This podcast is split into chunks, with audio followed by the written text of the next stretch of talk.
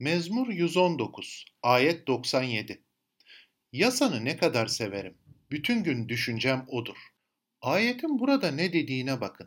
Tanrı sözü diyor mükemmeldir ve üzerinde düşünmek için bu dünyada bulabileceğiniz daha başka değerli bir şey yoktur. İnsanların dünyada değişik hedefleri vardır. Bu bir diploma olabilir, kariyer olabilir, bazen bir yatırım olabilir, bu amaçlar için çalışırken hatalarımız olur. Bazen tuzaklarla karşılaşırız.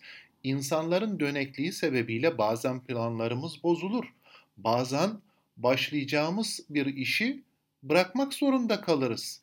Bazen değişik sebeplerden dolayı hedeflerimizi ertelememiz gerekir. Bazen ailemiz uğruna hedeflerden vazgeçeriz. Bütün bu karmaşıklıklar içinde dünya, benlik ve şeytan düşüncelerimizi sürekli bir yerden başka bir yere götürür. Zaman kaybederiz, planlar bozulur, hedefler şaşar, güç kaybederiz, yoruluruz, depresyona gireriz ya da bunalımlı zamanlardan geçeriz. Yani dünya ile sürekli meşgul olurken bunlar yaşamın sürpriz gerçekleri olaraktan sürekli bizleri sarsar.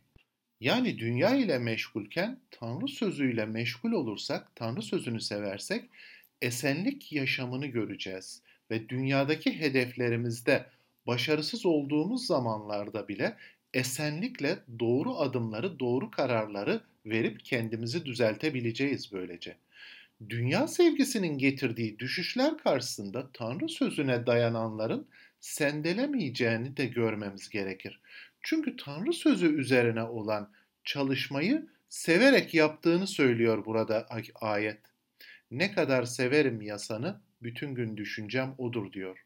Mezmurcunun burada yaptığı gibi Tanrı sözünü seversek ve bütün gün onun üzerinde derin düşünürsek, dünyasal düşünceler aklımızı ve yüreğimizi kirletmeyeceği için bir anlamda başarı ya da evlilik ya da iş ya da başka bir hedefe daha sağlam adımlarla, daha emin kararlarla gitmemiz mümkün olacaktır.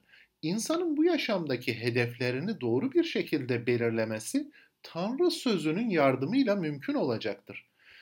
Diğer yandan şunu düşünelim. Tanrı sözüyle bütün gün derin bir şekilde meşgul olduğumuzda, onu düşündüğümüzde düşüncelerimiz bizi Adem'e kadar götürür ve Tanrı tarihi hakkında, insan tarihi hakkında da düşünmemize sebep olur. Böylelikle Tanrı sözündeki değişmezlik bize şunu gösteriyor. Tarih boyunca inançsızlığın ya da başka inançların saldırılarına rağmen Tanrı'nın gerçeği bütün yanlışları ortaya çıkarmaktadır ve yol göstermeye devam etmektedir. Aydınlatmaya, bereketlemeye, şifa ve kurtuluşu umutla birlikte getirmeye devam etmektedir. Tanrı sözüyle böyle meşgul olduğumuzda Tanrı'nın tarih boyunca olan sağlayışını görmek önümüzde adeta sonsuzluğun perdesini aralamaktadır ve Tanrı sözünü çalışmanın baldan tatlı, altından değerli olduğu ifadesini gerçekten yüreğimizde güçlendirmektedir ve bunların açıklanmasını anlaşılır kılmaktadır. O halde şunu düşünelim. Tanrı'nın sözünü çalışmak sizin için de bu kadar değerli mi, zevkli mi? Aslında bu ayet yüreklerimizde bir sınav sorusu gibidir. Tanrı'ya bakışımız, dolayısıyla Tanrı sözüne bakışımız bu dünyaya nasıl baktığımızı da etkileyecektir.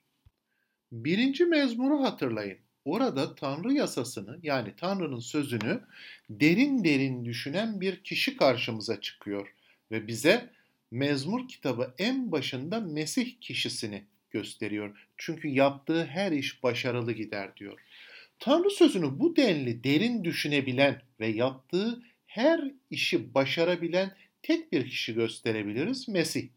Bu yüzden mezmurlarda konuşan kişinin, mezmurlarda bize simgelenen kişinin bazen de Mesih olduğunu görmemiz önemlidir. O halde biz bu duayı ya da mezmurlar boyunca yaptığımız duaları Mesih'in sözleriyle, tecrübeleriyle yapıyor olmamız gerekir. Onun düşüncesini edinerekten bu duaları yapıyor olduğumuzu hatırlayalım şimdi. Böylece şimdi biz de mezmurcuyla dua edelim.